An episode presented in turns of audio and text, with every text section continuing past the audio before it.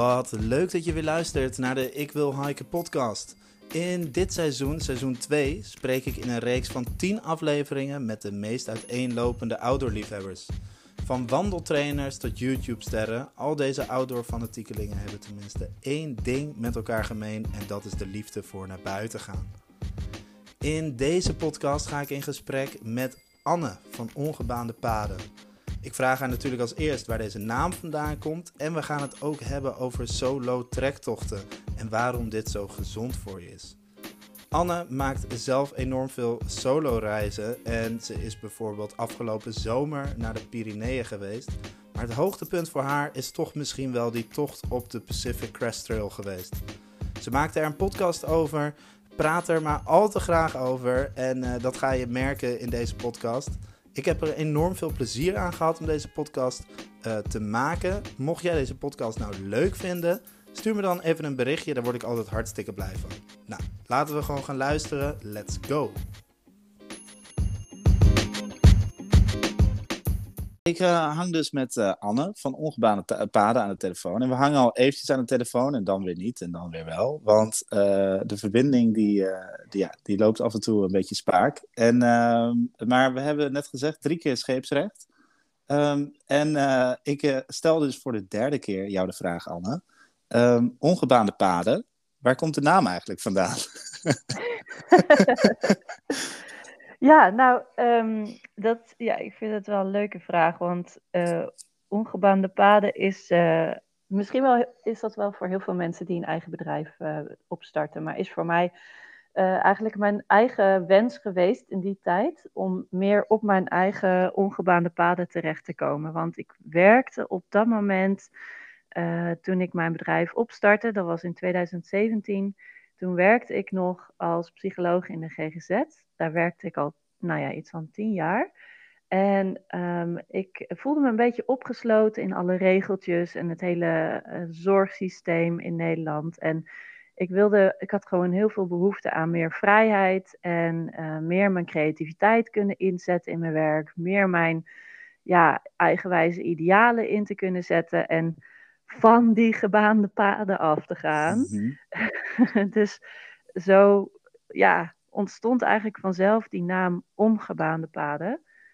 Um, en ik voelde gewoon heel erg dat dat niet alleen mijn eigen behoefte was, maar uh, dat er ook heel veel andere mensen zijn die de behoefte hebben om van die gebaande paden af te komen, om dichter bij zichzelf te komen en meer het avontuur aan te kunnen gaan, uh, hun creativiteit los te maken en op hun eigen manier iets te kunnen creëren in deze wereld. Ja, ja grappig. Nou ja, in ieder geval wel, wel dit is wel gelijk een leuke intro natuurlijk over wat ja. je doet. Want uh, we gaan het vandaag gaan we het, dat heb ik in de intro waarschijnlijk al een beetje gezegd, we gaan het hebben over jouw PCT. Uh, want die heb jij gelopen. En dat ja. was volgens mij echt een van de meest bijzondere ervaringen uit je leven, als ik dat zo een beetje mag uh, omschrijven. Zeker weten. Um, en uh, ja, daarnaast gaan we het natuurlijk hebben over je bedrijf. Hey, wat, uh, ja, wat, hoe, hoe is die PCT voor jou dan de connectie geweest met, met je bedrijf die je nu hebt? En, uh, en afgelopen zomer ben je ook weer op pad geweest, dus daar gaan we het ook over, over hebben. Um, maar ja, eigenlijk allereerste vraag aan jou, of nou, de tweede vraag eigenlijk. Waar komt dan die reislust vandaan? Is dat dan is, is dat dan uh, iets dat zo geboren is? Of je ouders? Of, uh... Ja, goede vraag. Um, ik, ik zou het denk ik ook niet zeker weten, maar uh, ik heb dat altijd wel gehad, denk ik. Ik ben ja, altijd al een beetje een ingewikkelde combinatie geweest van super sensitief, maar tegelijkertijd ook heel veel behoefte aan prikkels en avontuur. En uh, ik ben altijd een beetje op, op zoek naar de combi van uh, ja, het avontuur aangaan uh, en dan toch ook goed voor mijn gevoelige ik blijven zorgen. Dus dat is, ja, dat is denk ik ook wat er altijd wel ingezeten heeft. Maar um, daarnaast is, ja, waren mijn ouders ook best wel avontuurlijk toen ik jong was. Dus zij namen mij ook mee op uh, wild, avond, wild kampeer avonturen, ook al was ik een babytje en een jong mhm. meisje. dus dat, dat heb ik ook al wel op die manier meegekregen. Um, ja. dus, dus misschien een beetje van, van beide, dat het er al in zat, maar ook een beetje aangeleerd. Ja, nou wat grappig. Ja, ook dat je ouders dat dan deden, dat ze dat aandurfden. Ja. Doen ze dat, nu nog steeds of niet, niet meer? Nou ja, zij zijn ook allemaal wat, uh, ja, hoe zeg je dat, milder geworden. uh, lange haren los uh, kwijtgeraakt. Dus, maar niet helemaal eigenlijk, want mijn vader die is nog steeds heel veel aan het wandelen. en ja, hij doet dat gewoon uh, wat, wat korter, dus een aantal dagen misschien. En uh, gaat niet meer wild kamperen. Nee. Maar hij is nog steeds heel veel aan het wandelen en loopt bijvoorbeeld de, de Camino naar Santiago de Compostela, maar dan oh, ja. in, in kleine stukjes. Oh ja. Dus en dan van die, uh, dan slaapt hij dan onderweg in van die auberges. Ja. Oh ja.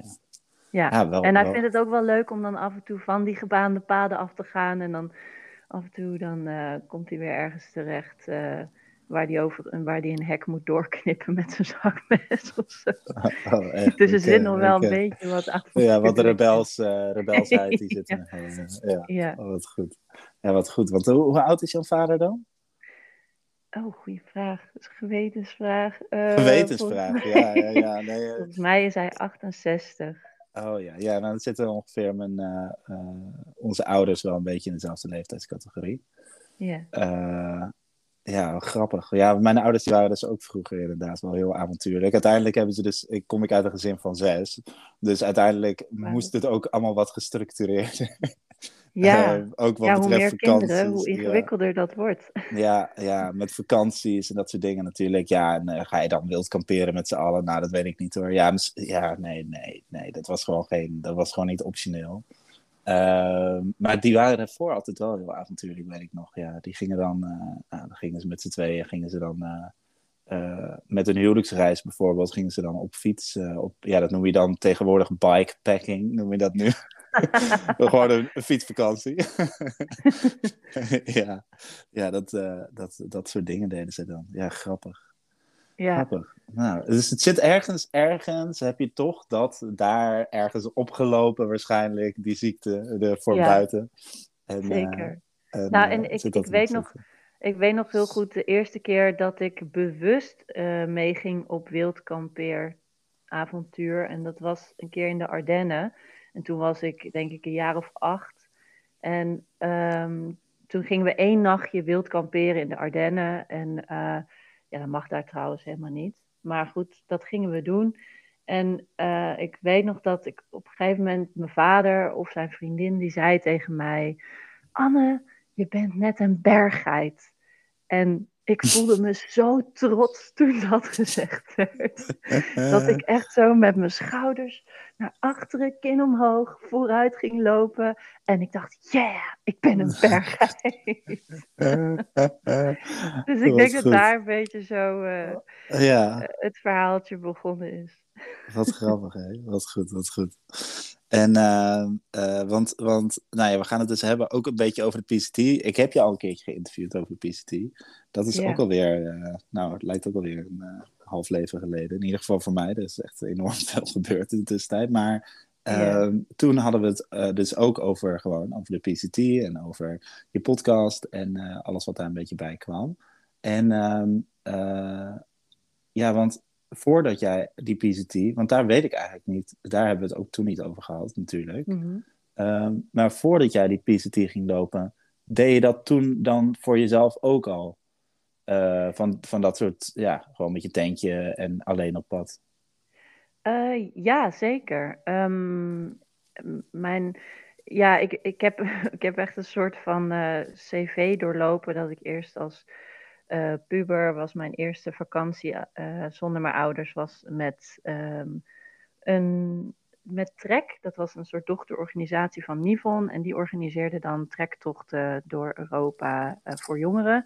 Mm -hmm. En later ben ik dat nog vaker gaan doen. En toen ben ik op een gegeven moment voor het eerst uh, zelf zoiets gaan organiseren met een vriendin van mij. Toen zijn we de West Highland Way in Schotland gaan lopen, wat ook echt heel vet was. Oh, ja. En um, toen ben ik toen ik op een gegeven moment voor het eerst de film Into the Wild zag, ehm, Ja. eh, toen op de een of andere manier eh, motiveerde me dat heel erg om voor het eerst alleen weg te willen gaan. Oh, ja. En ehm, toen ben ik in mijn eentje naar de Pyreneeën gegaan en heb ik daar een uh, huttentrektocht gemaakt. Toen was ik 25, 24, 25, zoiets. Oh, ja. En ehm, daarna ben ik op een gegeven moment een C1-cursus gaan doen. Dus uh, bij de NKBV echt een geweldig avontuur beleefd op gletsjers en hoge bergtoppen. Dat was echt heel vet. En uh, van daaruit ben ik weer uh, terechtgekomen bij springreizen, uh, waar ik als vrijwilliger een aantal tochten heb mogen begeleiden. Dus dat Ah, waren ja. trektochten met groepen mensen. Um, ja, waar, waar ik dus als wandelreisbegeleider um, die reizen organiseerde, samen met iemand anders. Ah ja, grappig. Dus daar ook wel een beetje je ervaring op gedaan. En ook Ja. natuurlijk tijdens die C1, voor mensen die misschien niet weten wat dat is. Ik heb dan zelf ook een C1 gedaan. Eh, dan niet met eh, NKBV, maar met een, eh, een Duitse organisatie. Ehm, maar ja, dat is eigenlijk gewoon een, een basiscursus voor alp- alpinisme. Hè? Dus je leert daar eigenlijk gewoon de basis voor touwknopen en dat soort dingen, volgens mij. Ik denk dat het bij jou hetzelfde was, denk ik. Ja, eh, het was een, eh, vooral gericht op gletsjertochten. Mhm. We hebben ook wel wat rotsklimmen gedaan, maar vooral eh, de gletsjers op geweest in Oh ja. eh, Oostenrijk. En daarna nog, er werd er ook nog een, to- een tour achteraan geplakt. Ah ja. Maar het Ah. was, ja, was echt geweldig. Ja, ja, ik kan me dat ook nog wel herinneren. Ik deed dat met al mijn broers. Wauw. Dus dat maakt het ook nog wel, nog wel echt wel toffer of zo. Ja, zeker. Ehm, ja, alleen sindsdien hebben we dus eigenlijk nooit meer echt zoiets gedaan. Eh, iedereen eh, natuurlijk. En toen, ja, ik ging, ik ging reizen. De anderen bleven, bleven thuis. Die organiseerden dat blijkbaar niet. Toen kwam corona natuurlijk al heel snel. Eh, dus toen kon het allemaal niet. En ja, nu moeten we dat gewoon een keertje doen. En ja, moeten we het eigenlijk gewoon een keertje organiseren. Maar het lijkt me nog wel heel tof om daar weer een keertje wat mee te doen, inderdaad. Nou, maar jij hebt natuurlijk wel heel veel daarmee gedaan met je eigen tochten eh, in eh, Oost-Europa. Daar heb je denk ik wel baat gehad bij eh, ja, de soort van beginselen die dan gelegd zijn in zo'n C1-cursus. Ja, waarschijnlijk En wel het kennis. stukje, ja, waarschijnlijk wel het stukje kennis op basis van ja, touwknopen en dat soort dingen. Eh, die gebruik je dus ook wel heel veel in de, in de survival eh, wereld. Worden eigenlijk een beetje dezelfde knopen toegepast. Dus dat is wel heel grappig inderdaad. Dat, dat dat is gewoon een beetje hetzelfde blijft. En ik heb wel geleerd van... eh, eigenlijk heb ik in Bulgarije misschien wel meer geleerd... het stukje juist... ehm, dat de simpelheid... eh, het zit hem dus niet in van... hey, dit moet je allemaal weten. Maar het zit hem eigenlijk Mm. dus in de simpelheid... en probeer het gewoon te houden bij drie basisknopen... die je gewoon goed kent. Mhm. En eh, drie knopen die je kunnen helpen. En, en veel mensen zijn er dan van, van ja, je moet ook nog die knoop weten en dit. Oh, en je kan hem ook nog zo doen en je kan hem ook nog zo doen. Ja, dat is allemaal leuk, maar dat, eh, dat uiteindelijk gaat dat je alleen maar afleiden, zeg maar. Ja, Eh, en dat, eh, dat, ja, dat heb ik wel wat meer geleerd dan, dan bij die C1. Bij die C1 was het gewoon heel veel, merkte ik. Ja. Het was heel veel en het was wel in heel, heel waar- korte tijd. ja, in heel korte tijd. En eigenlijk moet je het dan herhalen. Hè? En Ja. als je dat dan niet meer doet, dan eh, komt het ook een beetje, raakt het in verval natuurlijk. Want als je me nu zou vragen, als je me nu weer in een gletsjer zou hangen en zou vragen van, ja, je moet eruit komen. Nou, wellicht dat ik eruit kom, maar niet volgens de techniek die ze me daar hebben geleerd. Nee. Nee, ik weet nog wel een beetje. Ik kan wel zo'n eh zo'n prusik en dan met zo'n eh, en dan mezelf eruit hijsen. Waarschijnlijk lukt het me nog, maar je, je moet me niet eh, vragen om dat volgens die technieken die zij me hebben geleerd te doen. Ja, nee, ik zit ook te denken. Ik denk ook dat dat niet de dingen zijn die, die, die echt zijn blijven hangen. Want dat Nee. moet je inderdaad gewoon blijven trainen en Aha. herhalen. Ja, Maar meer de ervaring van hoe ga je met ja, die hoge bergen en de risico's die daarbij komen kijken. Hoe ga je daarmee Ja, om? Dat, zo, ja. dat zijn denk ik meer dingen Ja. die ik daaruit heb gehaald op de langere termijn. ja. Ja, dat snap ik wel. Want dat heb je ook wel nodig gehad bij de PCT. Als we dan hebben we mooi even het bruggetje. Ja. Ehm, van het, welk jaar ging jij de PCT lopen?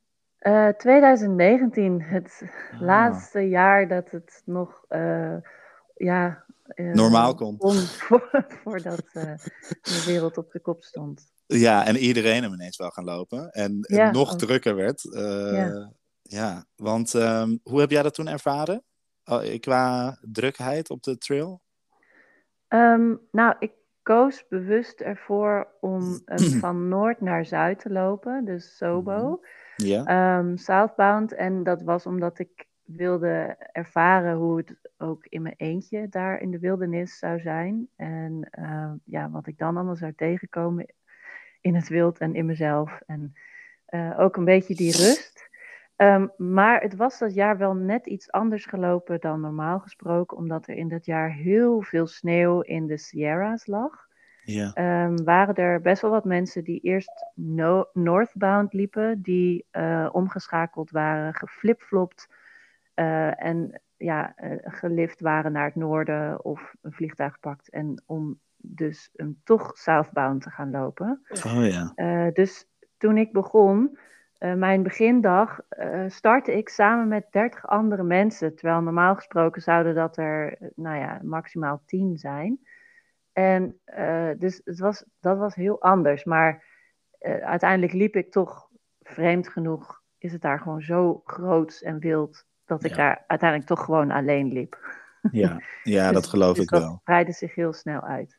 Nou, en ik heb natuurlijk, uh, even kijken, twee podcasts geleden uh, heb ik met, uh, met Sietse Visser gesproken. Sietse die heeft dus ook uh, de, de PCT en die heeft besloten om na 16 dagen ermee te stoppen. Ah. Want hij, hij merkte toch van, ja, wat, wat gaat het me brengen? En dat hij toch te veel heimwee kreeg. Maar als we het dan hebben over dat... ehm uh, dat stukje, zeg maar, met dus meerdere mensen lopen. Hij mm. ervaarde, dat, ervaarde ook wel dus dat er mensen die droppen ook wel uit, zeg maar. Dus op een gegeven moment loop je echt met minder en minder en minder. Ja. En ik denk, ik denk, ik weet niet, heb jij dat ook dan ervaren tijdens die tocht? Dat het echt op een gegeven moment nou, nog rustiger werd? Of...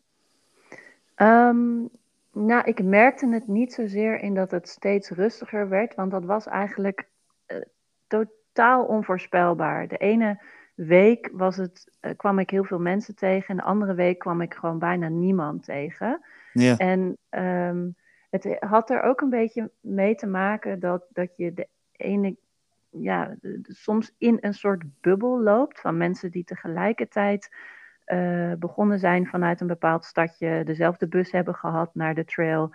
En dat je dan misschien in zo'n groepje terecht kan komen. Maar soms mhm. loop je buiten zo'n bubbel en heb je een ander ritme. En kan het best zijn dat er al de hele tijd iemand een dag achter jou loopt, maar dat je die nooit tegenkomt, omdat je gewoon hetzelfde ritme uh, hebt. Um, of ah, dat jij een heel ander ritme loopt, waardoor je uh, mensen dus helemaal niet tegenkomt. En ja, ja dat, dat, eh, ik, heb, ik heb dat heel onregelmatig uh, ervaren van soms dan was het ineens heel druk en soms was het heel, heel wild en stil. Oh ja. Um, maar ik heb wel gezien dat mensen inderdaad uh, ja, een soort van drop-outs waren door fysieke omstandigheden veelal. Dus dat wat ik merkte is dat in het begin heel veel mensen met haast liepen, omdat je als je vanuit het noorden begint uh, moet je op een gegeven moment in de Sierra's aankomen voor de winter. En die begint gewoon al heel snel. Um, waardoor mensen dus vanaf het begin al haast voelen en uh, gewoon echt hard aan het lopen zijn. En sommige mensen lopen daardoor ja, in een blessure. En oh ja. dus kwam ik op een gegeven moment veel mensen later weer tegen die ja, pauze moesten houden of moesten stoppen vanwege blessures. Ja, en jij, uh, jij hebt daar verder geen uh, fysieke klachten gehad? Ik heb wel die eerste anderhalve week op een gegeven moment een beetje last van mijn knieën gehad. Omdat je, um, even kijken, ik weet nu al niet meer hoe het daar heet. In de uh, noorden van Washington heb je een prachtig wildernisgebied met uh, veel hoogtemeters. Dus ja, wat is het? 1500 omhoog, 1500 omlaag in één dag. En, en ik was behoorlijk wat kilometers aan het maken. Want blijkbaar had ik ook ineens die haast gekregen. Terwijl ik eigenlijk helemaal geen haast had. Maar en toen merkte ik op een gegeven moment aan mijn knieën van, oeh, dit is een beetje too much. Um, maar ja, je hebt soms ook gewoon haast, omdat je uh, niet je rugzak vol wil hebben met heel veel eten. Dus wil je een bepaald stuk niet meer dan een week daarover doen. Um, dus ja, toen kreeg ik op een gegeven moment last van mijn knieën, omdat ik maar uh, voor zeven dagen eten had. En het wel echt heel pittig was uh, qua hoogtemeters.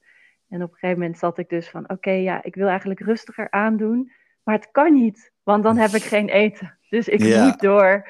Ja. Uh, maar gelukkig had ik een, uh, uh, een cadeautje van een vriendin van mij meegekregen. En waarvan ze gezegd had: van op het derde breakmoment van deze tocht mag je dit cadeautje openmaken. En is dit speciaal voor jou? En daar zat een pure chocoladereep in. En uh, dat was precies wat ik nodig had om, ja, nice. om het er doorheen te slepen.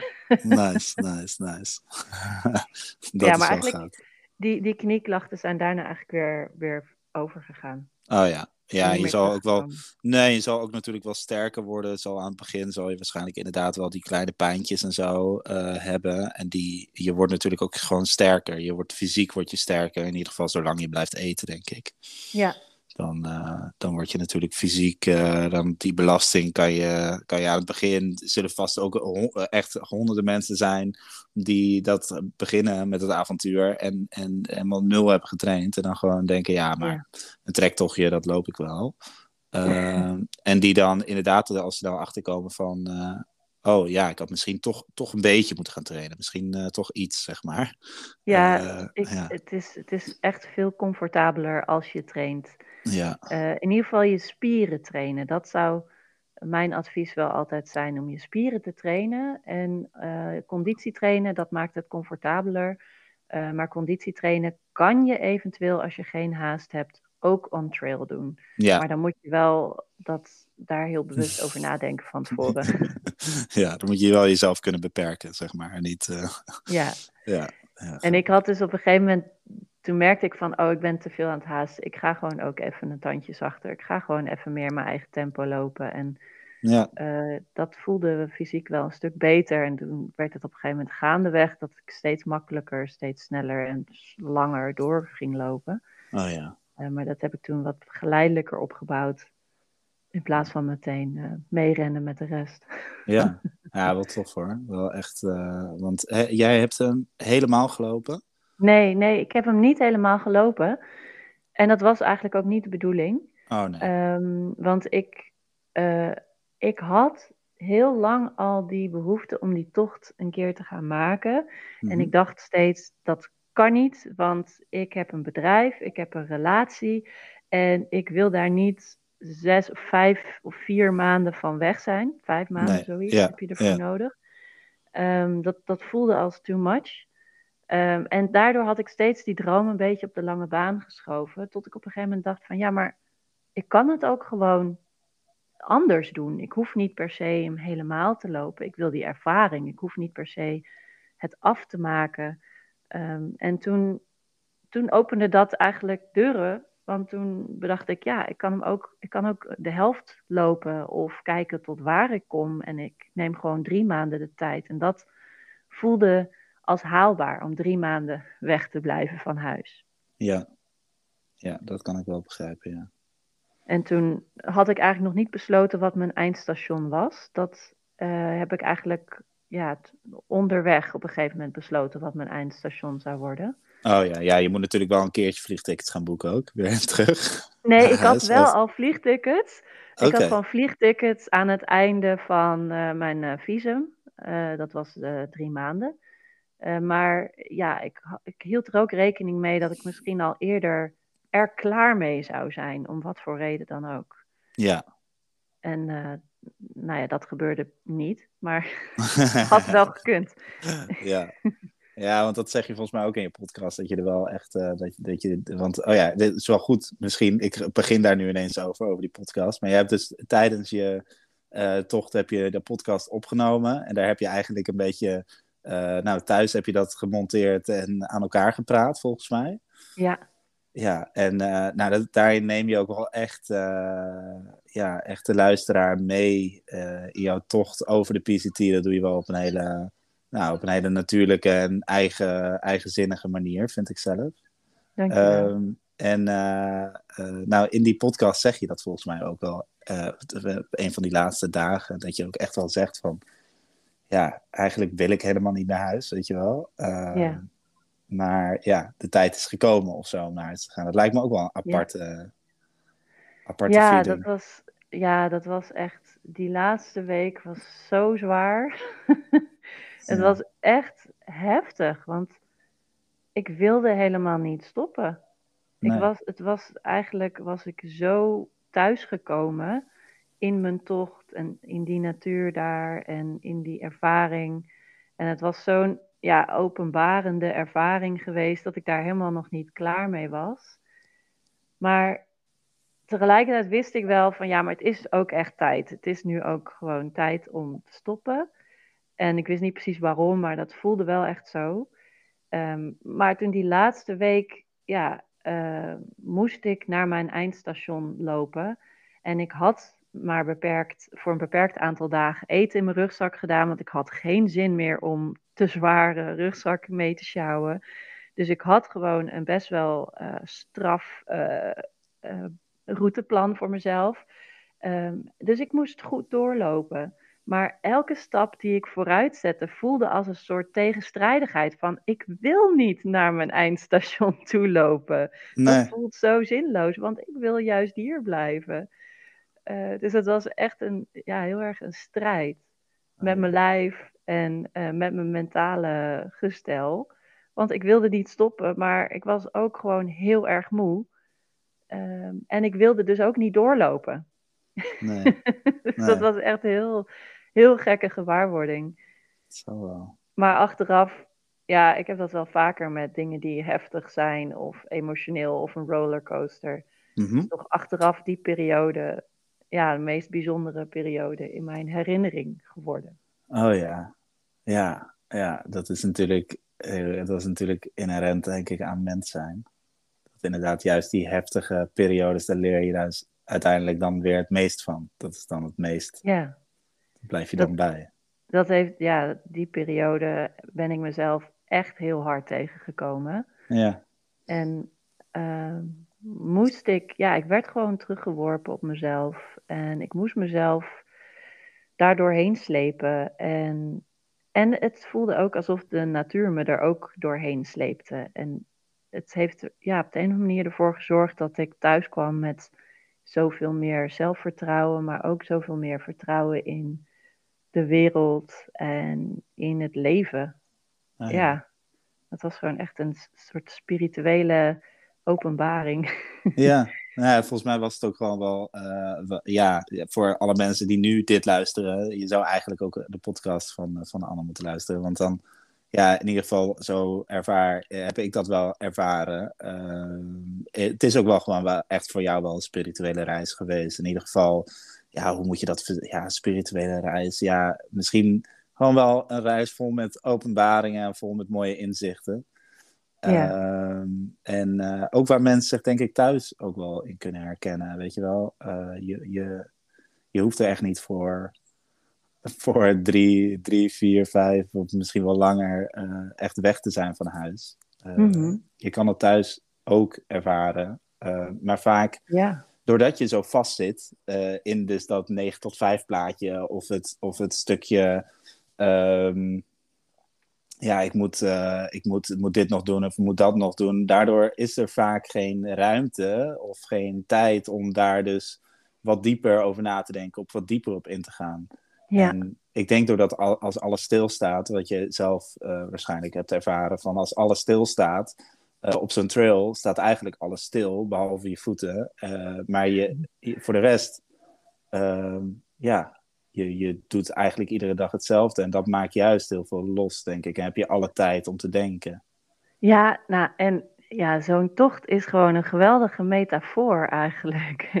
Ehm, en ja, je bent daar op een avontuur en je, ja, je weet een richting, want je volgt een pad.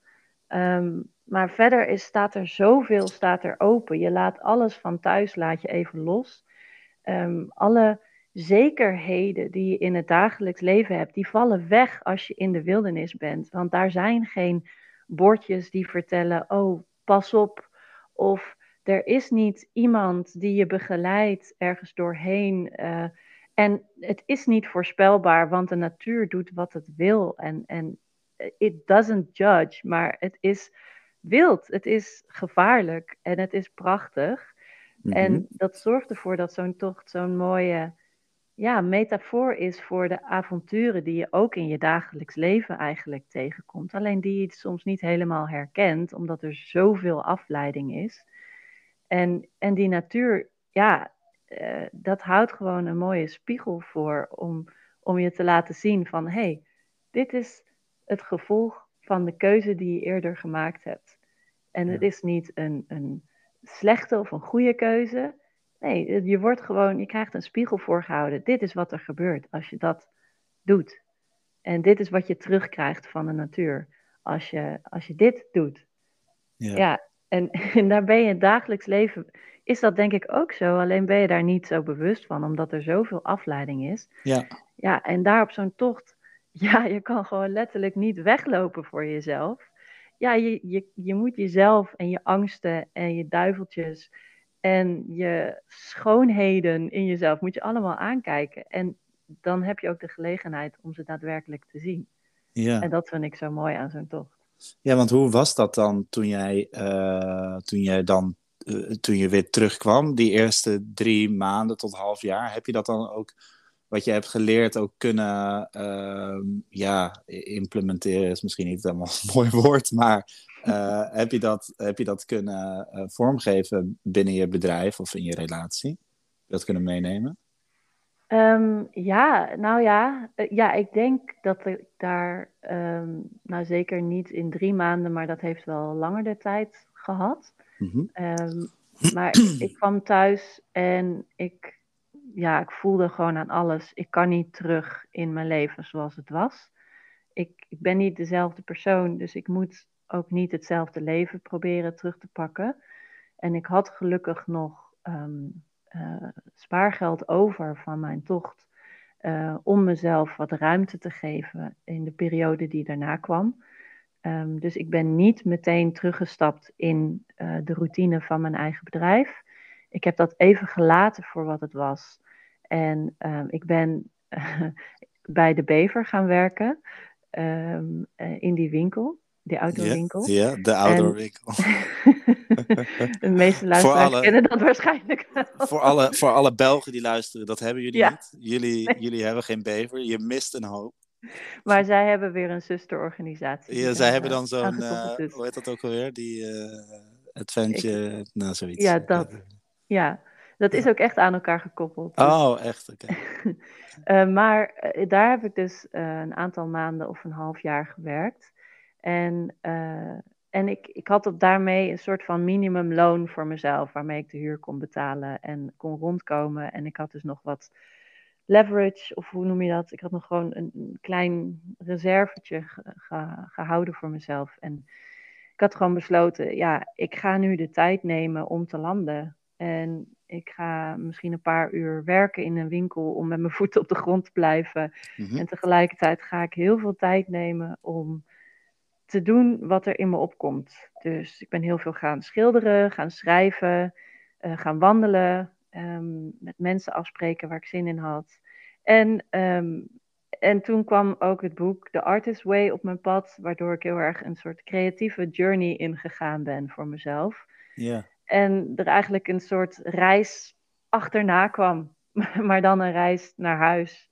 Oh, ja. um, en dat was meer een creatieve reis, een spirituele reis en een soort ook best wel heel aardse reis van oké, hoe vind ik nu weer mijn voeten hier op de grond in dit land. En um, ja, als ik niet midden in zo'n geweldige trail sta. En dat was best een uitdaging, maar het was ook wel heel erg mooi.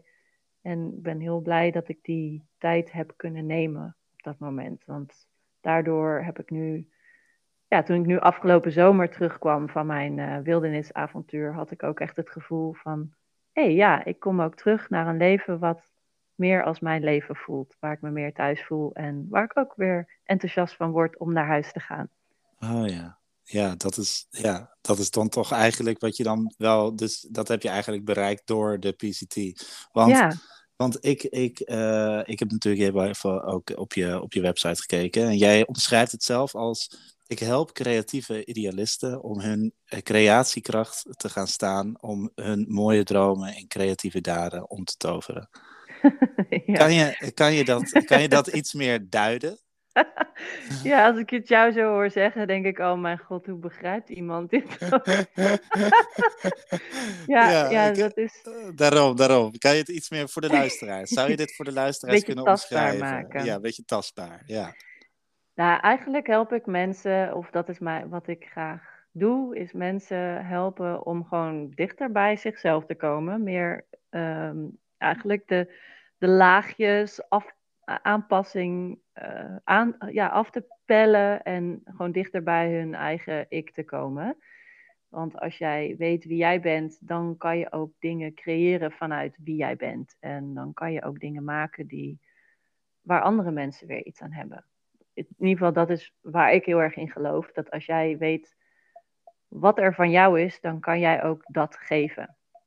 Ehm, en dus ik help mensen om dichter bij zichzelf te komen en vervolgens ook daarmee dingen te kunnen gaan doen, te kunnen gaan maken of te kunnen werken op een manier waarmee ze op hun manier iets kunnen bijdragen aan deze vreemde wereld. ja, af en toe toch vreemde wereld inderdaad. Ja. Ja. ja.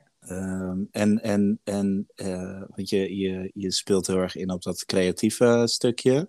Ja. Um, is dat dan, uh, hoe, hoe zie, zie, jij dat dan? Of is dat echt hoe mensen dat zelf, mensen kunnen er zelf invullen wat ze met dat creatieve stukje doen? Of hoe? Ja, voor mij, uh, ik denk dat creativiteit en natuuravonturen zijn voor mijzelf altijd de vorm geweest waarop ik mezelf beter leerde kennen. Ja. En er ook achter kon komen wat op dat moment hetgene was wat ik wilde doen met mijn leven. Ja. Dus het is meer een soort vorm eh, een manier. Uh, en creativiteit is een hele mooie manier. En natuur is een hele mooie manier. Het zijn allebei gewoon spiegels eigenlijk voor hey, wie ben jij op dit moment en wat heb jij te brengen. En uh, creativiteit is dan dus ook breder dan bijvoorbeeld ik ben een schilder en ik maak schilderijen. Het is ook, kijk, de creativiteit is de vorm waarin jij uh, dingen creëert in de wereld. En dat kan uh, door middel van tuinieren zijn, dat kan door middel van je bedrijf zijn, dat kan door middel van het creëren van een kind op aarde zijn. Het kan, ja, op zoveel, het heeft zoveel vormen. Ja. Um, maar het, het vinden van een authentieke creatieve vorm voor jou als persoon, daar gaat ja. het mij om. En dat zit heel erg in gewoon spelen avontuur, nieuwsgierigheid, je inspiratie volgen. En ja. dat is waar ik mensen toe wil uitdagen. En van daaruit echt een beetje inderdaad dat, dat gewoon het eigenlijk je doel is dat mensen ontdekken wat, uh, wat jij hebt ontdekt tijdens je PCT, waar uh, een plek waar je uh, of iets creëren waar, waar jij je ook echt zelf in thuis voelt, gewoon compleet in thuis voelt. Ja, dat je niet meer je hoeft aan te passen aan wat je denkt dat de samenleving van jou verwacht. Ja. Uh, maar dat je gewoon zonder gêne gaat maken waar jij in gelooft. Ja. En dan is er altijd wel iemand die daar waarde aan hecht en die daar echt iets aan heeft. Ja, ja mooi. Hey, en uh, hoe, hoe, uh, um, hoe zou jij je klant omschrijven? Mijn, mijn ja, ja als, er, als er iemand bij jou komt, wie, wie komen er over het algemeen bij jou? Um, het zijn vaak mensen die um, weten dat ze ergens klaar mee zijn Ehm, dat hun oude leventje niet meer past. Het is een soort van te kleine schoen geworden waar ze nog in wringen, maar het past niet meer. Ehm, maar ze weten nog niet wat dan die nieuwe schoen moet zijn en hoe dat nieuwe leven eruit moet zien.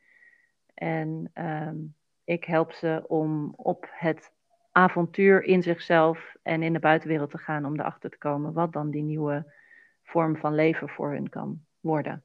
Ja, en dat zijn niet, uh, en dat is niet per se enkel voor vrouwen. Nee, zeker niet. Nee, um, dat, is, dat is voor wie zich daartoe aangetrokken voelt, wie die behoefte heeft aan ja. uh, dat avontuur. Het is toch grappig, want ik, ja. ik, denk, ik denk dat je, sorry dat ik je onderbreek, ik denk dat je uh, toch, toch wel vaak, dat het vaak vrouwen zijn, denk ik toch op een of andere manier dat, dat mannen zich ja, toch snel dit allemaal dan, ja, of ja, ik weet het niet, ja. Nou, er zijn wel mannen die zich uh, hiervoor aanmelden bij mij, maar ja. wel minder. Ja. En ik denk eigenlijk dat dat vooral komt omdat ik eruit zie als een vrouw en, uh, dat, oh, en ja. zo leef. Ja. En uh, dus mensen herkennen zich in mij. Ja, ja, ja. ja, ja. En, en dus dan, dan haak je makkelijker aan bij iemand waar jij je in herkent. En heel soms zijn het dus in het, en als het dus mannen zijn, zijn het vaak mannen die uh, juist iets hebben van: ik wil nu iets heel anders. Ik wil oh, iets anders gaan proberen dan, uh, dan hoe ik tot nu toe geleefd heb. Ja, en, en dan en, komen ze dus bij zo'n vrouw als ik, die heel erg met haar gevoel in contact staat. Ja, en heel is. erg ja. uh, creatief en spiritueel en zo. En dan hebben ze daar juist behoefte aan. Oh ja, oh, grappig. Want, ja, want dat is denk ik dus wat, wat vrouwen, denk ik, uh, over het algemeen. Hè, ik wil geen niemand over een kant scheren. Dat mag, uh, dat mag niet en dat wil ik niet doen. Um, maar het, het zeg maar dat mannen overwegend ehm, minder dicht bij hun gevoel staan dan vrouwen dat staan. Dus uh, uh, of, of denken dat, of dat misschien niet mogen van zichzelf, of uh, dat niet uitspreken, of dat niet durven uitspreken, mm. of hoe je het maar wil, wil, wil, wil, wil zeggen. Ja. Maar dat ik me daardoor ook wel kan voorstellen dat er ook wel veel mannen zullen zijn die zeggen van, ja, op zich zou ik dit wel willen, maar ja, ik weet niet, is, is dat dan, ehm, ja. Past dat wel bij mij? Is het wel Past voor dat mij? wel? Ja, ja. Nou, ik, ja, ik weet toevallig dat er op dit moment heel veel mannen zijn die wel bezig zijn met die, die zoektocht. Um, mm-hmm. Om meer dichter bij hun gevoel te komen en dichter bij hun um, ook creativiteit en ja. uh, intuïtie te komen. Ja. Um, ja. onze samenleving helpt daar gewoon niet zo heel erg mee. Nee. Uh, omdat je als jongen uh, al jong leert dat jij uh, niet per se mag huilen en dat emoties alleen maar oké okay zijn als het blij of boos is, maar niet te gevoelig, want dan ben je zwak.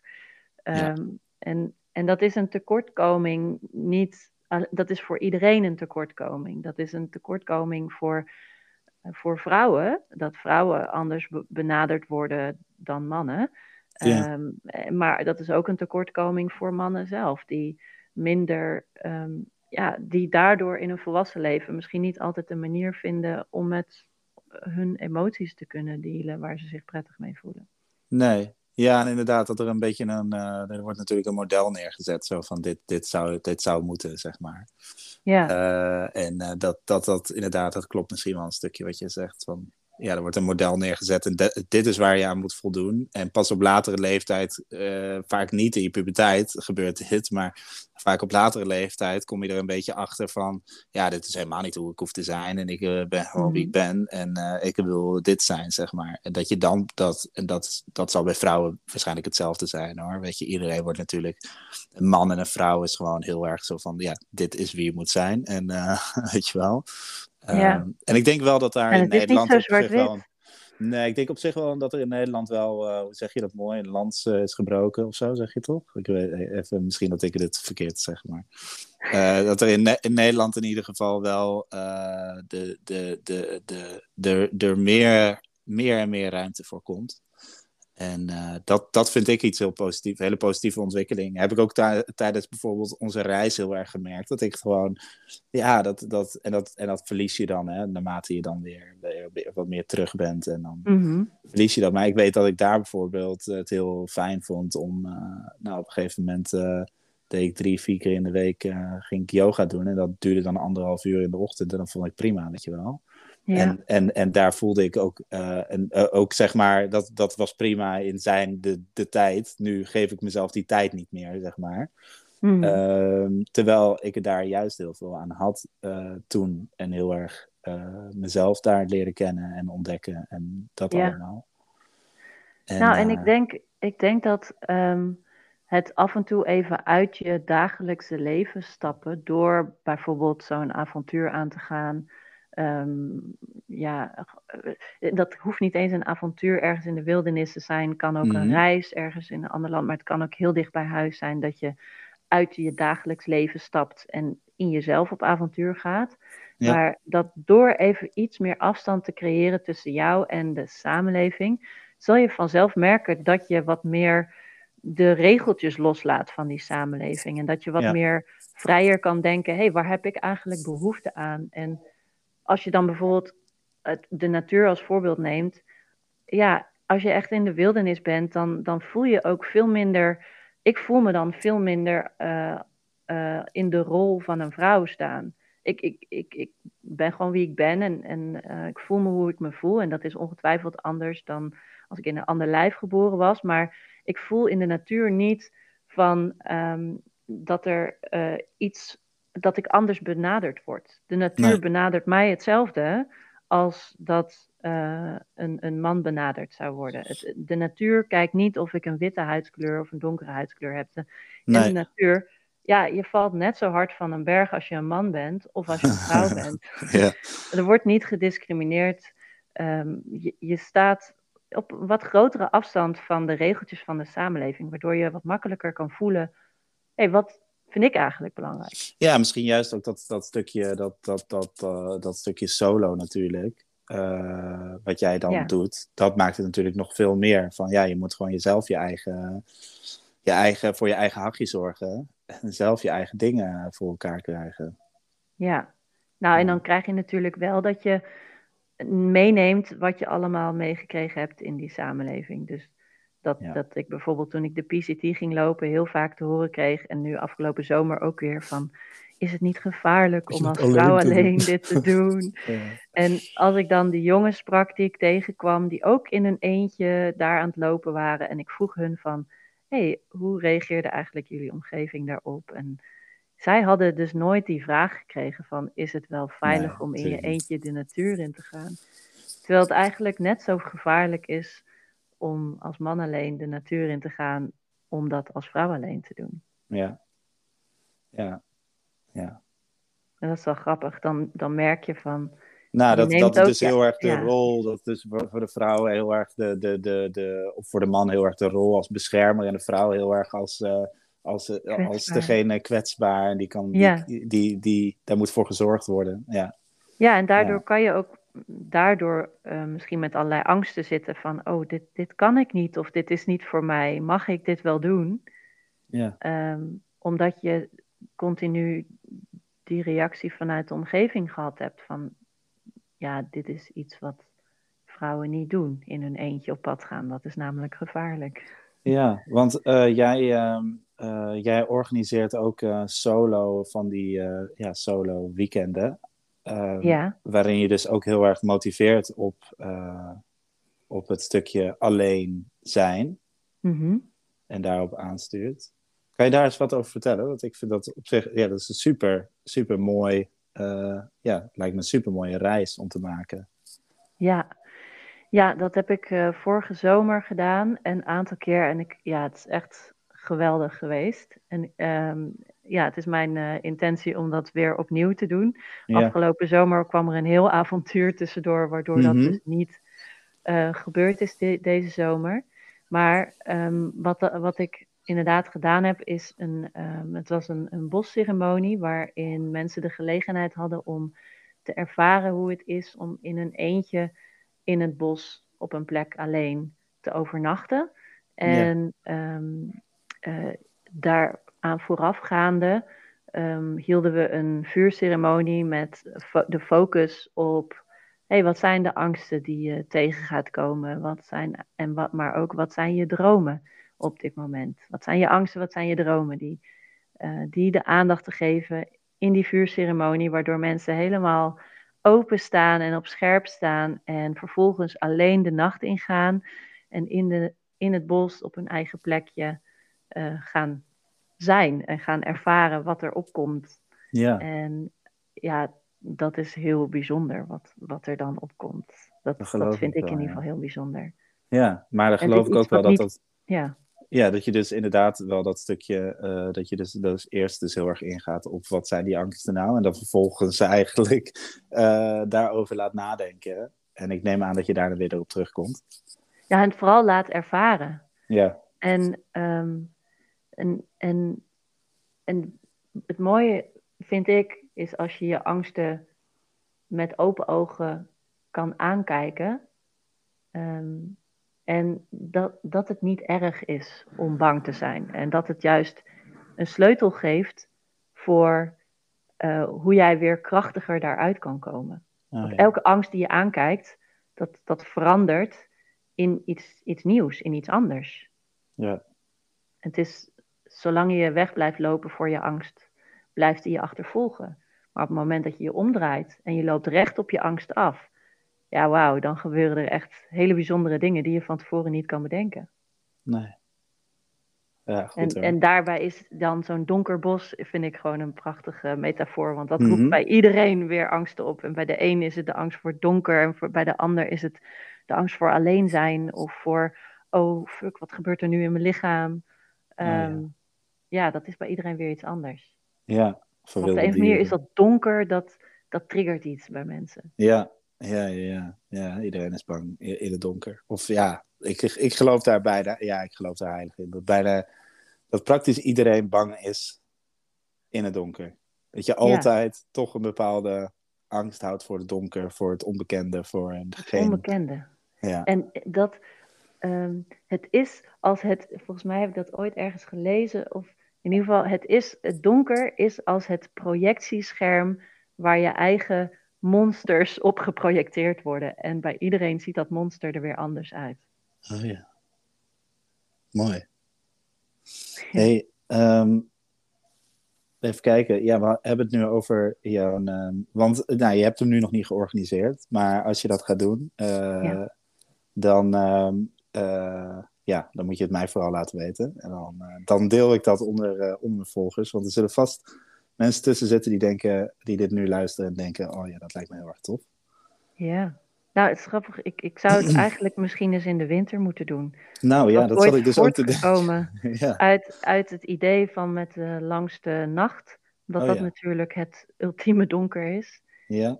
Um, alleen dat, dat heeft dan wel weer organisatorisch wat extra dingen uh, die het met zich meebrengt. Van, Zoals? Nou ja, hoe zorg je ervoor van dat mensen ook een beetje gezond en oké okay in de kou zijn. En vaak is de drempel voor mensen gewoon ietsje hoger om dat in een oncomfortabele setting te doen. Ja, dan grappig, om het hè? in een comfortabele setting ja. te doen in de lente of, of in de zomer. Weet je, ik heb nu uh, Embrace the Winter organiseer ik nu in uh, eind november. Uh, ja. is, een, is een tocht waarbij we nou ja, allerlei winterse activiteiten gaan doen. we lopen daarbij een stukje van het Pieterpad. Dat kan je natuurlijk ook in de zomer doen, maar juist ook mooi om dat eens in de kou te ervaren. Van, en, en, en we doen dat in Groningen. Dus in Groningen is het echt nog wel, ja, toch een paar tandjes. Uh, nog meer donker. Koeler en ook donkerder. En, en dat is dus ook het mooie. We gaan dat daar doen. We gaan bijvoorbeeld naar het Dark, Dark Sky Park. En dat is echt een. nou ja, oh, de, de, een officieel gebied dan waar het het meest donkere plek van Nederland waar je dus supergoed sterren kan, kan kijken. En zelfs het noorderlicht kan zien als je, als je geluk hebt. Ja. Um, en we gaan met een paddenstoelen-expert op pad. We gaan een icebed nemen. We gaan in een tentje slapen. Dus weet je, het hele... Uh, ja, gewoon... Dat wil ik juist mensen laten ervaren van... hey, die winter ja. is er ook gewoon om te omarmen. En de natuur in de winter kan, heeft net zoveel te bieden. Of heeft ook een heleboel te bieden. En dat wordt vaak niet gezien, want het wordt vaak gezien van, oh ja, dan komen de kleuren weer tevoorschijn en zo. En terwijl er ook in de winter juist heel veel te halen valt. En, en ook heel veel kleuren. Ja, ja, ja, ja, zeker weten. Maar ja, ook gewoon het, ook gewoon het stukje, uh, nou ja, dat echte kou, wat jij dus zegt, het is een hele drempel voor mensen. Maar juist die drempel is overgaan, want het is gewoon een angst. Het is gewoon een, wat je, je baseert eigenlijk die, die, dat product dat je hebt, die, die, die reis, die solo-reis, mhm. zeg maar, voor mensen. Ja, die baseer je natuurlijk ergens ook op die angst te overwinnen. En eigenlijk is het gewoon een angst voor mensen om buiten te slapen in de kou. En oh, dat is koud. En straks dan, uh, oh ja, dan uh, heb ik het koud. Ja, dat, dat kan. dat je het koud ja, hebt. En, ja, en, en, en de winter brengt vaak ook nog de angst met zich mee van er gebeurt niks. Er lijkt niks te gebeuren aan de oppervlakte. Er is doodsheid en stilte. En dat is voor mensen vaak heel eng, omdat onze samenleving meer gaat over altijd actief zijn en productief zijn. En er ja. moet van alles gebeuren. Maar in de winter gebeurt er heel erg veel. Alleen dat is allemaal ondergronds. Ja. En dat is in de natuur zo en dat is in de mens ook zo. Uh, en ja, dat, dat, dat is iets wat we, wat we een beetje eng zijn gaan vinden volgens mij. Ja. Maar het zou wel mooi zijn als we dat. Uh, ja, het is mooi dat je het embrace the winter noemt. Dat we dat wat meer zouden gaan omarmen. Want dan kunnen we meer uh, ja, met, ook met het seizoen mee mee, meegaan eigenlijk. Ja, ja, en je keert juist heel erg naar binnen in de winter. Ook niet alleen iedereen fysiek blijf je binnen, maar ook mentaal keer je vaak eh, meer naar binnen in de winter. En raken mensen altijd in zo'n, ja, de winterdepressie, zeg maar. En dat vind ik dus ook wel heel, heel, erg iets waarom ik het ben, heb georganiseerd. Omdat ik dus ook dat stukje belangrijk vind van, hey, uh, probeer gewoon ook hetzelfde te doen als wat je doet door het jaar heen. Ga lekker wandelen, ga lekker naar buiten, ga, uh, doe gewoon nog steeds die dingen en dan bij wijze van met een hoofdlampje op of zo. dat je gewoon zegt om zes uur of om zeven uur, nou ik ga gewoon nog steeds het rondje maken. Uh, en ik doe dat met een hoofdlampje op en ik loop gewoon nog steeds hetzelfde rondje. Want dat zal je ook uit die, uh, uit die depressie halen. Of in ieder geval die winterdepressie misschien een beetje ja, Zeker. toch iets meer ruimte geven voor jezelf. Ja. De natuur is gewoon een plek waar je, ja, waar je echt wel uh, dingen kan helen. Ja, ja zeker weten. Mm. Dus ik zou zeggen, sorry, ik was even een slokje aan het nemen. Dus ik zou zeggen, uh, organiseer het eens in de winter. wellicht, wellicht, ja, nou, misschien wellicht wel. dat je dat. Uh, en, en mocht je daarin hulp nodig hebben, dan wellicht kan ik, uh, heb ik materialen die ik kan gebruiken of weet ik het wat. Ja, nou, um, wellicht als jij hulp nodig hebt bij jou Embrace the Winter, ja, weet je mij ja, ja, ja, cool, cool, cool. hey, um, we, ja, jij hebt dus afgelopen zomer, daar had je het ook nog heel eventjes over, heb je dus ook weer een solo trip gemaakt. Ja. Um, waar ben je heen geweest? Ik ben naar de Pyreneeën gegaan uh, om de HRP te lopen, de Haute Pyrenee. Ah ja. En heb je die helemaal gelopen? Nee, die heb ik niet helemaal gelopen. Want wat is het? Toch van zes weken of zo is dat toch? Um, ja, zoiets. Ja, ja, 45 dagen, 44 dagen geloof ik. Dat is tenminste oh, als je gewoon helemaal het boekje volgt. Als je de etappes volgt, ja. Ja, um, maar dan heb je geen rustdagen ingebouwd. Oh nee, nee. Um, en Um, en dat is best wel pittig. Ik denk wel dat je behoorlijk um, ja, of moet versnellen tijdens je tocht, of je moet vanaf het begin al uh, behoorlijk getraind zijn.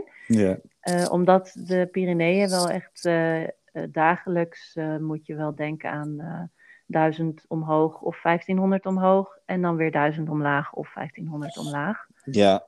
En dat dan elke dag voor een hele. Voor het en het is ook nog eens heel erg warm. En het was afgelopen zomer echt bizar heet. Mm zoals ook in de rest van Europa. Uh, maar in de Pyreneeën was dat, ja, dat was echt een van mijn grootste uitdagingen, was die ontzettende hitte. Oh, ja. en dat was echt, uh, dat heeft mij echt wel vertraagd. Ja, dat geloof ik wel, ja. En, en uh, met die hitte komt dan ook het onweer. Wat oh, ja. op een gegeven moment een bepaalde periode bijna dagelijks begon. Maar dat heb je normaal gesproken in de Pyreneeën al, maar nu begon het onweer nog vroeger, omdat het uh, ja, dus extra warm was. Mhm. En dan, uh, ja, dat soort momenten, dan, dan loop je een beetje vast, want je kan niet echt uh, met het onweer over die topjes heen. Dat Nee. is niet echt verantwoord. Nee, nee, dat zal wel. Hey, en je hebt een stukje solo gelopen en een stukje met je partner, eh, Ja. dacht ik, hè? Ja, klopt. En eh, juist voor die combinatie gekozen? Ja, ja want ehm, in eerste instantie wilde ik weer heel graag een avontuur aangaan.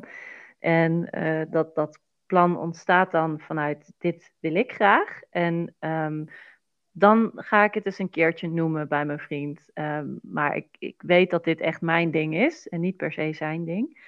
Maar dit keer was hij heel enthousiast erover en wilde hij ook graag ja, een beetje ervaren van wat doe jij nou eigenlijk? ja, ja, ja, ja, ja. Uh, en dus toen, toen hebben we het plan gemaakt uh, dat hij twee weken zou meelopen. Ja. En, uh, en ik nog drie weken alleen zou hebben. Oh ja. Dus Want, twee persoons tentje gehaald? Of ja. drie persoons? Twee persoons tentje kunnen vinden. En ja, heel veel voorbereidende gesprekken en, en tochtjes gemaakt. En Oh, ja. we hebben ooit samen een huttocht gedaan, maar dit zou, ons, dit zou zijn eerste wildkampeer-trektocht worden. Ja. Uh, en dus ook voor ons samen. Dus dat ja, zou sowieso een uitdaging gaan zijn. Mm -hmm. um, en, uh, ja, en ik wilde ook heel duidelijk uh, sowieso nog een deel alleen ja. mijn eigen tijd hebben. Dat, ja, dat is gewoon iets, dat kan ik niet opgeven op de een of andere manier. Dat is gewoon iets, daar word ik gewoon heel, heel blij van, om ook in mijn eentje op pad te gaan. Om even je eentje, ja. En ben je Ja. van plan om daar nog weer een podcast over te maken, of heb je niks opgenomen? Ik heb heel veel opgenomen en ik denk dat ik daar wel, ehm, wel interessant materiaal voor heb om een podcast eh, op te Ah, ja. nemen. Ehm, met allerlei avonturen in het onweer en eh, regenachtige dagen waarin ik per ongeluk, had één dag dat ik per ongeluk een soort broekzakopnames gemaakt heb, dat ik zes uur lang opnames heb, dat ik zelf echt? in wanhopige staat in de regen loop en dat je me hoort vloeken en hoort zingen en alles. Dat ik op een gegeven moment probeer een knoopje los te maken met mijn, mijn bevroren handen. En dat ik een kwartier lang aan het vloeken ben op dat knoopje. Wat goed. Dus, nou ja, dat vraagt om een podcast. Maar Ja, ik ja, inderdaad. eerst weer de tijd eh, en ruimte voor hebben om dat te kunnen doen. Ja, ja, want het moet allemaal terug eh, geluisterd en het moet allemaal gemonteerd. En dat zal eh, Ja. Een heel werk zijn. In ieder geval, dit is toch een ander soort podcast. We zijn nu gewoon lekker aan het babbelen. En eh, ik ben Ja. er ook echt zo van, van het, het knippen. Ik doe dat eigenlijk het liefst zo min mogelijk. Weet je, eh, Ja. ik denk dan human errors, die komen altijd voor. Weet je, er is, eh, of, of nou ja, al helemaal als er iets gebeurt met de techniek of zo, dan denk ik, ja, ja is wat het is. Eh. Behalve als het heel storend is, dan wil ik er nog wel wat aan doen. Maar eh, als wij een keertje ergens eh, over uitwijken of weet ik het wat, ja, dan ga ik dat er niet uitknippen, want het hoort gewoon bij het gesprek. Ja, Ehm, gewoon een echtere, een echtere podcast dan. Ja, toch? Ja. Ja, ja vind ik Ehm, leuk. Hey, en eh, even kijken. We zitten nu echt al over het uur. Dus we hebben best wel. we, we zijn best wel echt er nou, doorheen gevlogen. Eh, als Ja. je dat. ja, want het is echt. nou, het is behoorlijk snel gegaan. Ik, eh, ik heb helemaal niet. Ik had het niet door dat we al zo ver waren. Nee, ik ook niet. Nou, vaak hou ik dus een beetje een uur hou ik een beetje aan als, eh, als podcast. Dus, Toch eh, een beetje de spanningsboog van mensen, hè? Ja, ja, ja, ja, precies. En eh, nou ja, eh, je- merkt, we zijn eigenlijk nog niet uitgesproken. Eh, ook voor de luisteraar die nu luistert. Ehm, nou ja, mocht je dit een leuke podcast vinden en zeggen: hey, eh, Anne moet nog een keertje eh, in de podcast, dan, eh, dan gaan we dat gewoon regelen, natuurlijk. Ehm, en eh, ik stel dus altijd een vraag aan het einde: eh, wat het meest bizarre of eh, bijzondere of mooie is wat je hebt meegemaakt. En die vraag Mm. had ik al een beetje bij jou gedropt. Ja. En toen zei je al van, ja, ik heb zoveel meegemaakt. Bij mij gaan er nu allemaal dingen al door mijn hoofd heen. Dus ik ben heel benieuwd of je één ding hebt kunnen uitkiezen. Nou, ja, er is gewoon één ding wat blijft, wat gewoon nog steeds heel erg bij me is gebleven. En dus voor mij is dit gewoon een hele, hele bijzondere ervaring geweest. En mensen die mijn podcast geluisterd hebben, die hebben er misschien al iets meer van meegekregen. Ehm, eh, ja, maar ik, ja, ik, moet, ik moet toch deze nu uitkiezen. Mhm. Ehm, want dat was op een gegeven moment tijdens die laatste week op de Pacific Crest Trail. Dus die laatste week dat ik door een enorme emotionele rollercoaster ging. Van highs en lows. En soms was ik uh, diep in een diep dal en was ik bij, huilend aan het lopen. En op andere momenten liep ik bijna manisch uh, over die tocht en dacht ik, mij kan niks gebeuren. Ja. En, maar ja, ik werd zo heen en weer geslingerd. Ik werd er zo moe van. En ik, ja, ik, op een gegeven moment had ik tijdens de PCT mezelf aangeleerd om hardop tegen mezelf te praten als ik het allemaal even niet meer wist. En dan ging ik mezelf, of, of in het wilde weg, ging ik gewoon vragen stellen. Help me alsjeblieft. Ik weet het niet meer. Wat moet ik doen? Waar kan ik de kracht vandaan halen? En dat zinnetje, waar kan ik de kracht vandaan halen? Dat was op dat moment in die laatste week wat er de hele tijd uitkwam van ik weet niet, hoe moet ik dit doen? Ja. En ehm, wat er toen op een ochtend gebeurde, ik had uh, net een nachtje um, alleen uh, onder de blote sterrenhemel geslapen. Cowboy camping noem je dat. En dat was mm heel fijn. En ik was nou, lekker sereen aan het lopen.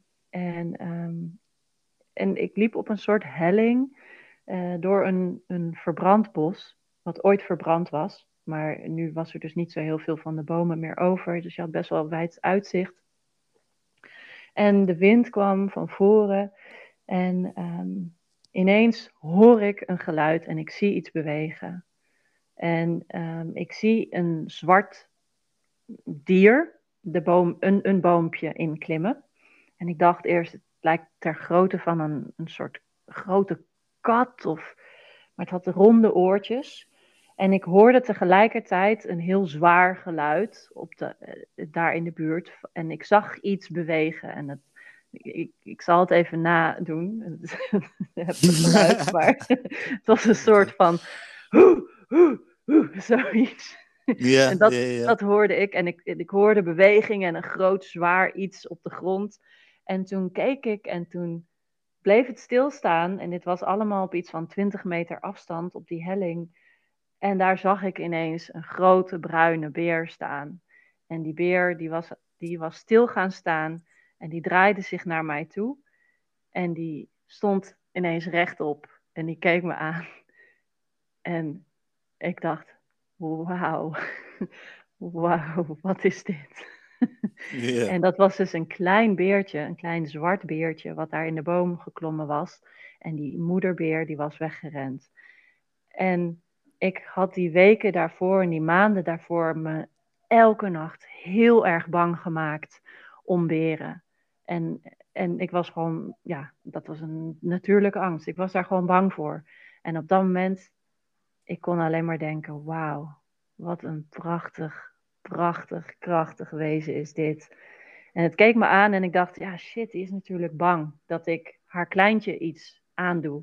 Mhm. Dus mijn reactie was op dat moment om in het Nederlands tegen haar te zeggen: Maak je geen zorgen, ik zal je kleintje niks aandoen, alles komt goed. En ik zei dat en vervolgens klom dat kleine beertje uit de boom en die rende op de moeder af. En samen renden ze weg. Nou. En dat was het.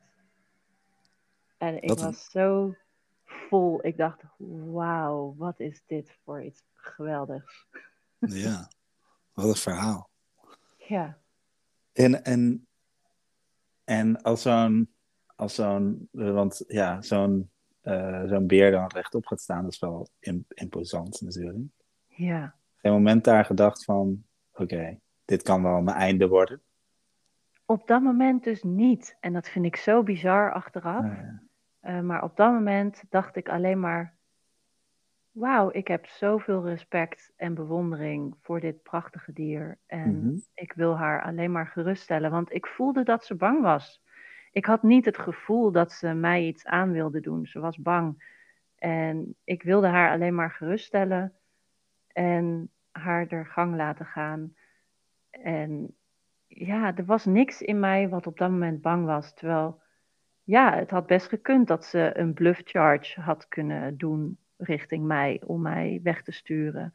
En als je dan gaat rennen, ja, dan loop je echt een gevaar om gepakt te worden. Dan moet je dus blijven stilstaan om niet het jagersinstinct in zo'n beer los te maken. Maar ik was daar op dat moment helemaal niet bang voor. Dat kwam pas daarna.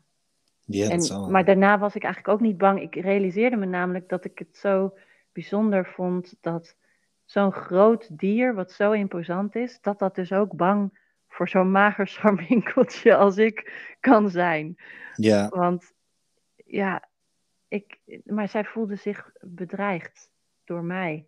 En ik dacht, nee, dit, dit is bizar, dat kan niet. Maar dat is natuurlijk door hun associatie met mensen. Uh, zijn, zijn heel veel beren zijn natuurlijk gewoon bang voor mensen geworden. Ja, ja, dat zal wel. Maar op dat moment was die ervaring, ja, voelde gewoon precies als de, de kracht, de empowerment die ik op dat moment nodig had om, om een week door te komen. En dat, ja, dat vind ik nog steeds echt heel bijzonder. Ja, snap ik wel. Het is jammer dat je dit allemaal niet hebt kunnen vastleggen. ja, Weet je wel, dat iemand zo in de bosjes zo aan het filmen was dit. ja, ja, dat je dan inderdaad mij kan vastleggen en de beer kan vastleggen. Ja, eh, ja. ja. Nee, want op zo'n moment wil je helemaal niet bezig zijn Natuurlijk met de camera. Nee. Je wil gewoon in dat moment zijn. Ja. Maar daarna moest ik het vastleggen, want ik was, daarna was ik echt zo vol hiervan. Toen heb ik meteen een opname gemaakt, zeg maar. Dat zal. En die is in mijn podcast terechtgekomen. Ja. Ik moest het kwijt, ik moest het delen. Ja. Ah, wat cool, hè? Echt super, super tof. Ja, en zulke soort dingen, ja, dat maak je alleen mee, inderdaad, als je ook echt erop uitgaat en ook echt zoiets gaat doen. Ja, en, ik vond het ook bijzonder dat het precies gebeurde op het moment dat ik niet meer bang was. Want het was ook zo dat ik die week eigenlijk niet meer bang was voor wilde dieren. Oh, ik had me eraan overgegeven van, oké, als er iets gebeurt, ik doe mijn best. Ik heb alle voorzorgsmaatregelen genomen om me veilig te stellen van wilde dieren. Maar als het gebeurt, dan gebeurt het en dan is dat mijn einde. Zo so be ja. Ja, dan ben ik niet bang. Nou, ja. mooi. Mooie afsluiting van deze podcast. Dankjewel. Uh, ja, jij bedankt. Jij bedankt voor al je openheid. Ja, en, graag uh, gedaan. Ja, en uh, wij gaan nog eens eventjes nadenken over een, over een volgende podcast waar we het over kunnen hebben. Want volgens mij kunnen we nog wel eventjes doorbabbelen. Nou, lijkt me erg gezellig. Ja. Ik, je kan me hiervoor wakker maken voor dit soort gesprekken. mooi, mooi. Ja. Nou ja, ik hoop dat uh, de luisteraars hier ook van kunnen genieten. Um, ja, en dan uh, gaan wij elkaar gewoon achter de schermen nog even spreken. Ja, is goed. Dankjewel. Hartstikke ja. leuk om, ja. om geïnterviewd te worden. Nou, helemaal leuk. Jij, jij ook hartstikke bedankt voor al je openheid. En nou, tot, tot achter de schermen. Yes. Oké, okay, hoi hoi. Doei.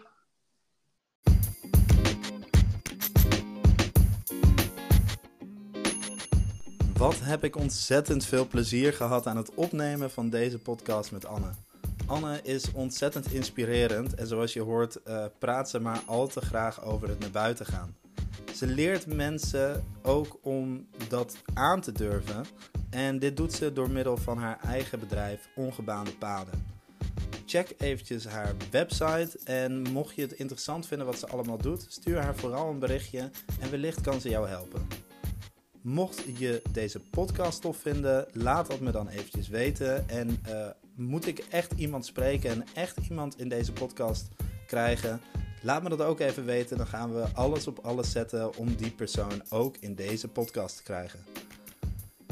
Dankjewel voor het luisteren. En um, mocht je nog op een mooi avontuur willen binnenkort, er zijn nog een paar plekjes voor Embrace the Winter in eind november. Uh, nu staat de teller op nog drie open plekjes. Dus uh, wanneer je dit luistert, hoop ik nog dat er een plekje vrij is. Bedankt voor het luisteren en uh, ik zeg tot de volgende.